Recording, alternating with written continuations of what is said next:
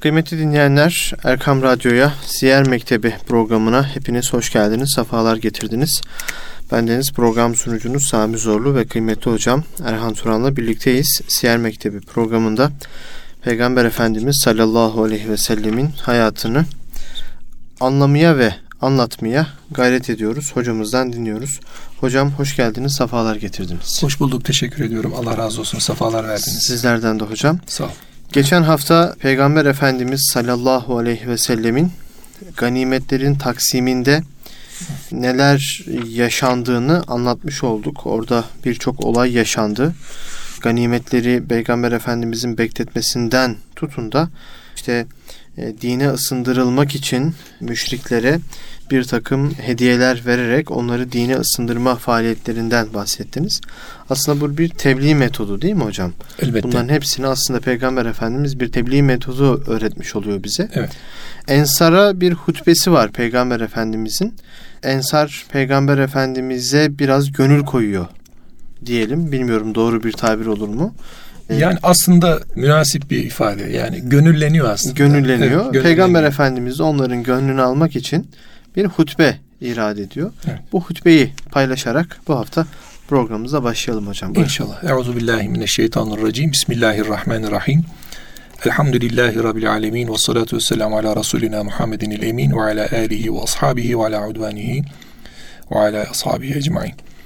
Şimdi Efendimiz Aleyhisselatü Vesselam'ın buradaki özellikle Huneyn gazvesi sonrası işte Taif'tir, Evtas'tır bu seferler yapıldıktan sonra güçlü bir ganimet elde edilmişti.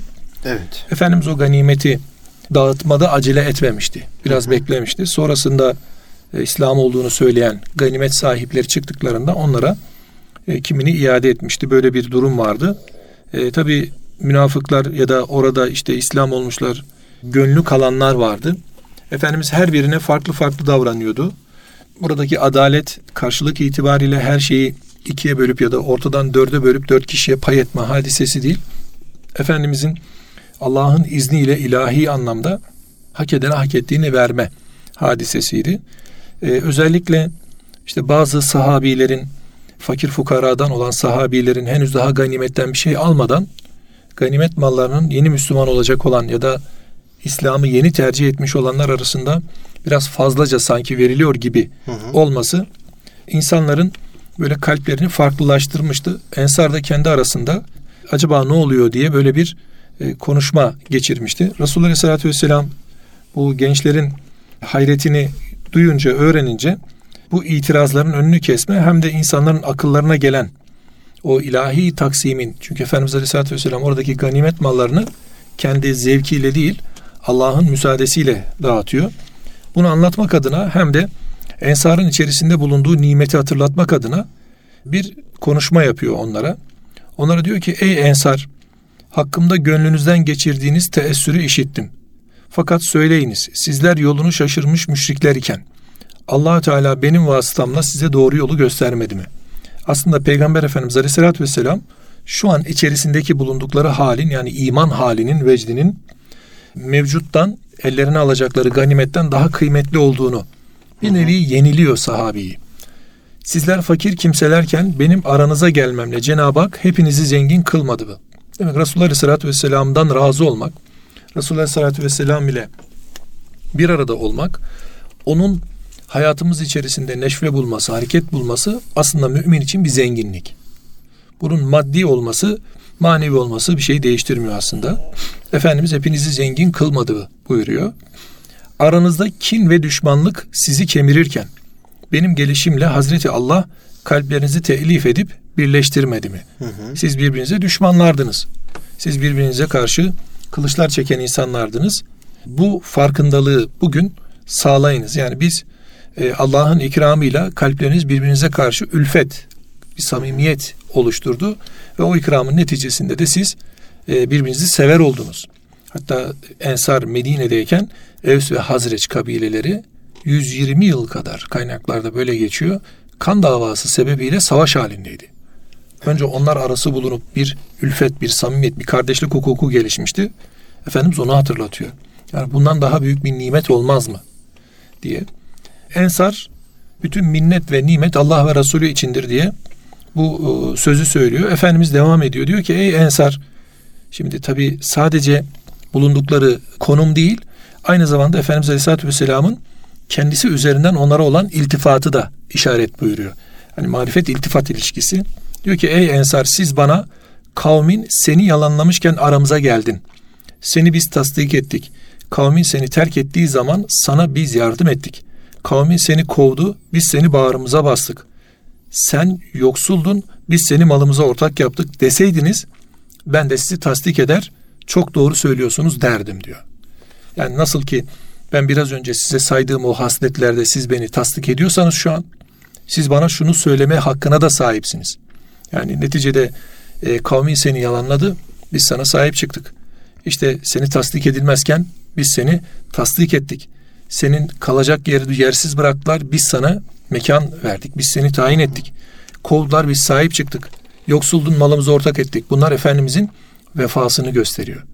Ne kadar güzel bir farkındalık. Yani Resulullah Aleyhisselatü Vesselam onlara bir iltifat. Ama bu iltifatın altında da bir terbiye sunuyor. Yani benim gözümde siz yukarıda saydığım, siz de beni, ben de sizin gözünüzde burada saydığım gibi haldeyiz. Yine Efendimiz devam ediyor. Ey ensar bir takım kimselere verdiğim dünya malı yüzünden tarafınızdan söylenmiş olan sözler doğru mudur? Demek ki birileri söz etmiş. Ben bir takım kimselerin kalplerini İslam'a ısındırmak için verdiğim ve Müslümanlığınızın kuvvet ve kemaline güvenerek sizi mahrum ettiğim ehemmiyetsiz dünyalıktan dolayı mı canınız sıkıldı? Bundan mı nefsinize bir darlık geldi? Burası çok mühim. Efendimiz Aleyhisselatü Vesselam bu malı bir takım kimselerin kalbini İslam'a ısındırmak için veriyor. Bazen zengine de verilir kalbi İslam'a ısınsın için. Bazen sadece e, insanlar şöyle anlıyor yani fakire yardım edilir zannediyor. Bazen zengine de verebilmesi, geliştirilmesi için yardımda bulunulur. Efendimiz Aleyhisselatü Vesselam müellefe-i kulüp onların kalplerini İslam'a ısındırmak için ikramlarda bulunuyor. Bunu da ilan ediyor. Bir takım kimselerin kalbini İslam'a ısındırmak. Şimdi bunu yaparken de sizin Müslümanlığınızın kuvvet ve kemaline güvendim. Hı hı. Kuvvet ve kemal yani sizin imanınızın, İslam'ınızın bu benim düşündüğüm nevde, yönde gelişeceğine ve bu şekilde kabullerinizin olacağını düşündüm. Yani ben aslında bana iman ettiniz, Allah'a iman ettiniz. Bu neticede de bir kuvvet kazandınız. Allah ve Resulü size yeter. Bundan sonrası başkalarının İslam'ı olması için kullanılması gerekir benim kafamdaki hal, kalbimdeki hal sizde de böyle sirayet etmiştir diye düşündüm. Çok evet. ince aslında, çok ince dokunduruyor Efendimiz Aleyhisselatü Vesselam buradaki hadiseyle. Tabii bir farkındalığı da ortaya koyuyor. Demek ki Müslümanlığın kuvvet ve kemali mahrum edilmiş gibi gördüğünüz dünyalıklardan daha önemli. Yani eğer bir insanın imanının kuvveti ve kemali varsa yani dünya malı dünyada elde edecekleri kendisi için çok büyük bir hadise ifade etmiyor. Bundan mı canınız sıkıldı diyor peygamberimiz. Bu mu sizin canınızı sıktı diyor. Ve bu sizin nefsinize darlık mı verdi diyor. Aslında nefsin o mala temayül etmemesi lazım. Nefis onu Allah Resulü nasıl kullanırsa kabul edip sen nasıl istersen lebbeyk demek bu demek. Eyvallah. Sen nasıl istersen ya Resulallah demek. Ve ardından da diyor ki Efendimiz ey ensar herkes aldığı malla evine giderken siz peygamberinizle evinize dönmek istemez misiniz? Ya Hocam zenginliğin herhalde Resulullah Efendimizle birlikte olmaklığı bu olsa gerek. Eğer Allah Resulü aleyhissalatü vesselam hayatımızda varsa, Allah Resulü bizimle beraberse hayatımızda ve bizim her anımızda yanımızdaysa, yani hem hadisleriyle hem sünnetleriyle hem tavırla hem de her şeyiyle Resulullah hayatımızda varsa demek ki herkes aldığı malıyla evine dönerken o mümin peygamberiyle aleyhissalatü vesselam evine dönmüş oluyor. Evet anam babam canım malım sana feda olsun Elbette. ya Resulallah diyebilmek. Elbette bu çok mühim. Efendimiz Aleyhisselatü Vesselam sahabi güzin efendilerimize sanki innel ayşe ayşül ahirah buyuruyor yani. Hayatsa hayatınız dünya hayatı değil ahiret hayatı olsun. Hani vardı ya Efendimiz Mekke'den Medine, Medine Mekke'yi fetihte girerken Allahümme la ayşe illa ayşül ahirah buyuruyordu. Bunun sanki bir formül hali innel ayşe ayşül ahirah. Hayatsa o hayat ahiret hayatı. Ensar bunu duyduktan sonra gözyaşlarına boğuldu. Resulullah Aleyhisselatü Vesselam'ın gönlünün kırıldığını, kalbinin e, daraldığını, üzüldüğünü anladılar. Ardından da dediler ki ya Resulallah sen bize yetersin. Ve muhabbetleri tazelenmiş oldu. Hı hı. Efendimiz Aleyhisselatü Vesselam Ardından onlara ey ensar eğer hicret ve e, hicret şerefi ve fazileti olmasaydı ben muhakkak ensardan olurdum dedi. Hmm. Ve böyle olmak isterdim dedi.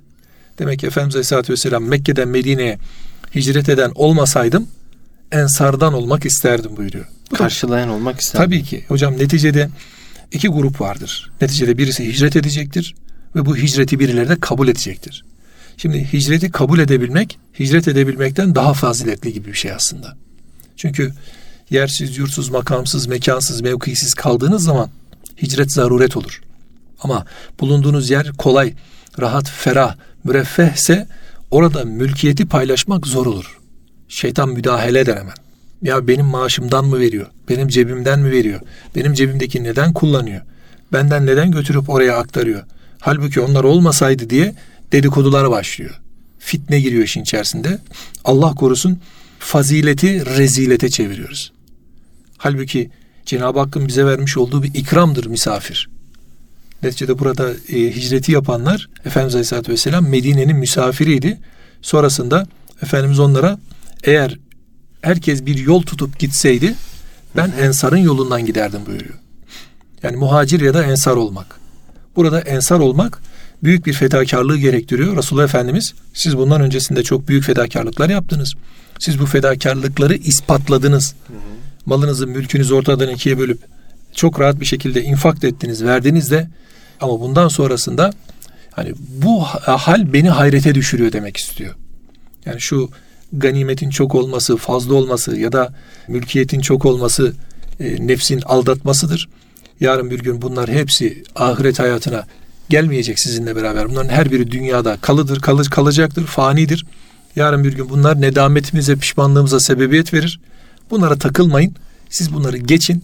Ben yetmez miyim diyor. En büyük zenginlik Allah ve Resulüdür. Efendimiz Aleyhisselatü Vesselam Ensar'a böyle bir e, hem teselli hem güzel bir tekdir diyelim bir uyarı. ince bir böyle nezaketle, nehafetle onların gönlünü alarak bu teselliyi sürdürüyor ve ardından 13 gün neticesinde artık orada ihrama giriyor Resulullah Aleyhisselatü Vesselam.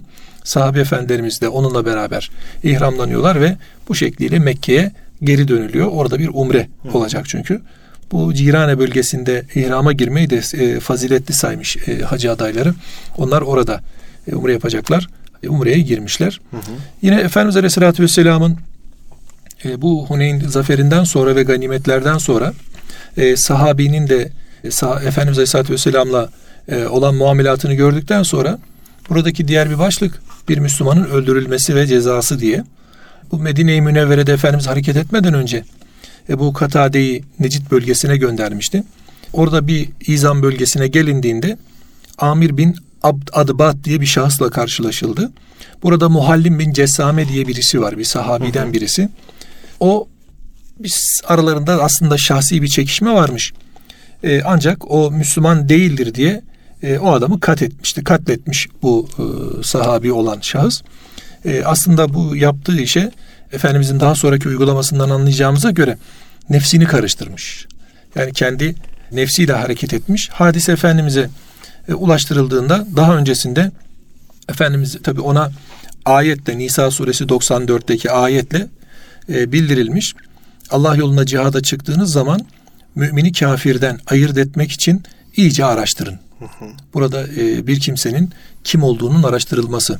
Sonraki konularımızdan bir tanesi de o aslında. Yani fasığın haberi geldiğinde o fasığın haberinin araştırılması. Demek ki bir kimsenin mümin ya da kafir olduğunu biz zahirine göre karar vereceğiz. Yani bir kimse ben iman ettim diyorsa, ben Müslümanım diyorsa o zaman biz kendi zihnimizde sen mümin değilsin deyip ona kastetme hakkına sahip değiliz. Eyvallah. Allah ayette böyle bir işaret buyuruyor. İyice araştırın. Kafirliği kesinse o başka. Size selam veren kimseye dünya hayatının menfaatini gözeterek sen mümin değilsin demeyin. Allah katında çok ganimetler vardır. İslam'a önce girdiğiniz zaman siz de öyleydiniz. Yani siz de onlar gibi imana girdiniz. Yani bir insan önce sizin gibi imana ilk girdiğinde öyle olur sonrasında sizi kıvamınıza gelir.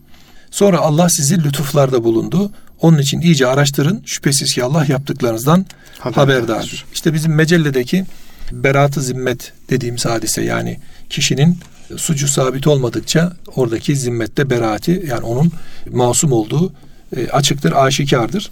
Efendimiz tabi muhallimi gördüğü zaman sen bu insan sana iman ettim dediği halde mi öldürdün dedi. Hı hı. Öyle deyince evet ya Resulallah dedi. Efendimiz onun nefsinin ayette geldiği için karıştığını bildiğinden dolayı demek onu katlettin deyince ya Resulallah diyor beni affet diyor. Benim için istiğfar et diyor. Efendimiz ona Allah seni affetmesin diyor.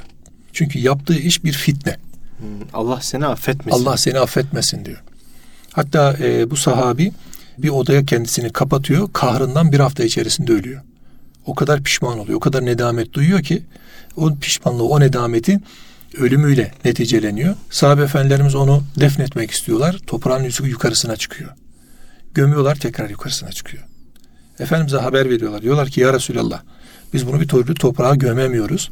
Efendimiz de gelip e, ona bakıyor. Diyor ki toprak onu ondan daha fena olanlarını kabul etti. Ama bu yapılan kelime-i tevhidin hürmetinedir diyor. Yani la ilahe illallah hürmetinedir.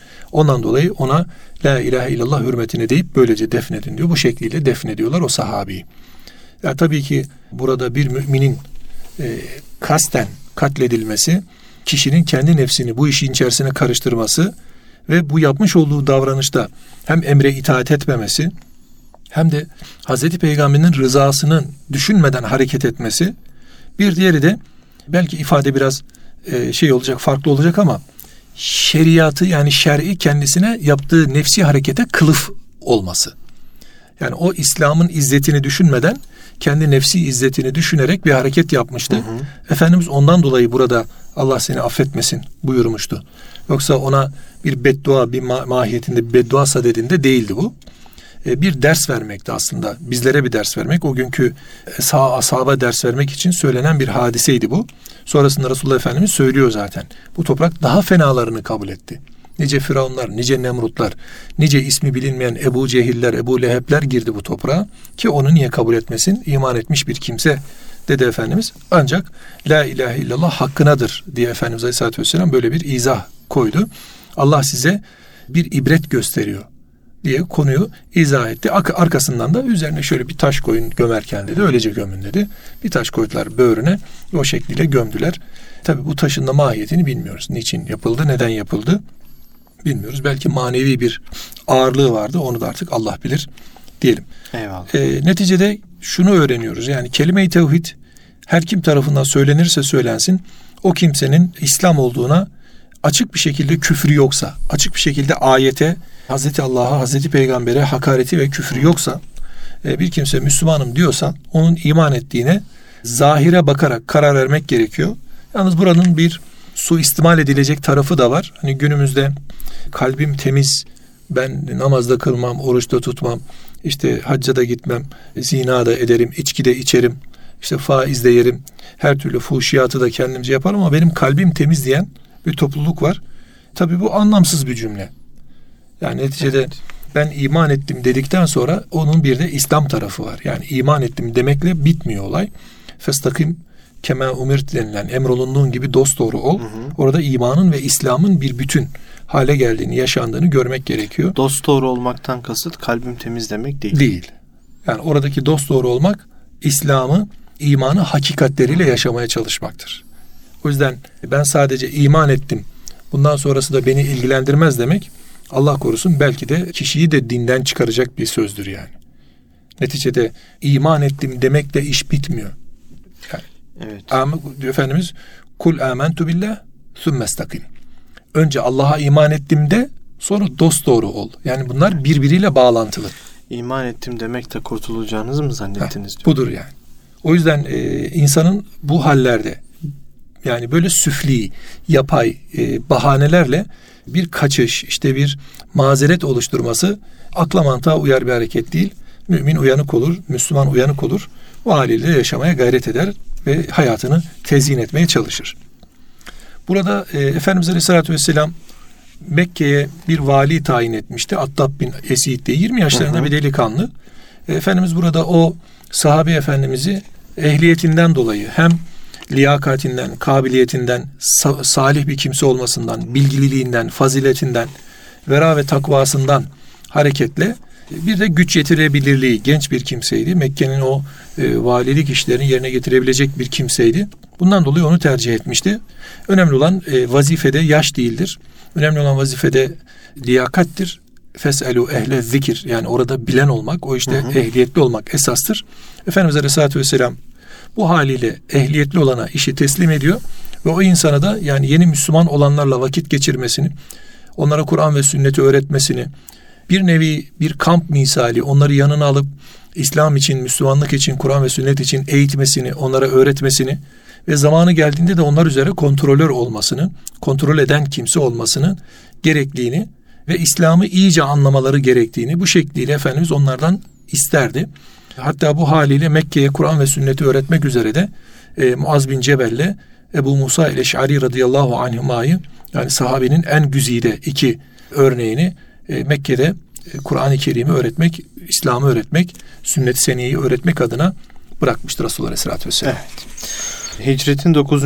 senesine geldik. Evet. Önümüzdeki programda inşallah hocam buradan devam edeceğiz. Çok İnşallah. çok teşekkür ediyorum. Ben teşekkür ediyorum. Ağzınıza, olsun. gönlünüze sağlık. İnşallah. Çok Sağ olun. Kıymetli dinleyenler Erkam Radyo'da Erhan Turan Hocam'la birlikte Siyer Mektebi programındaydık.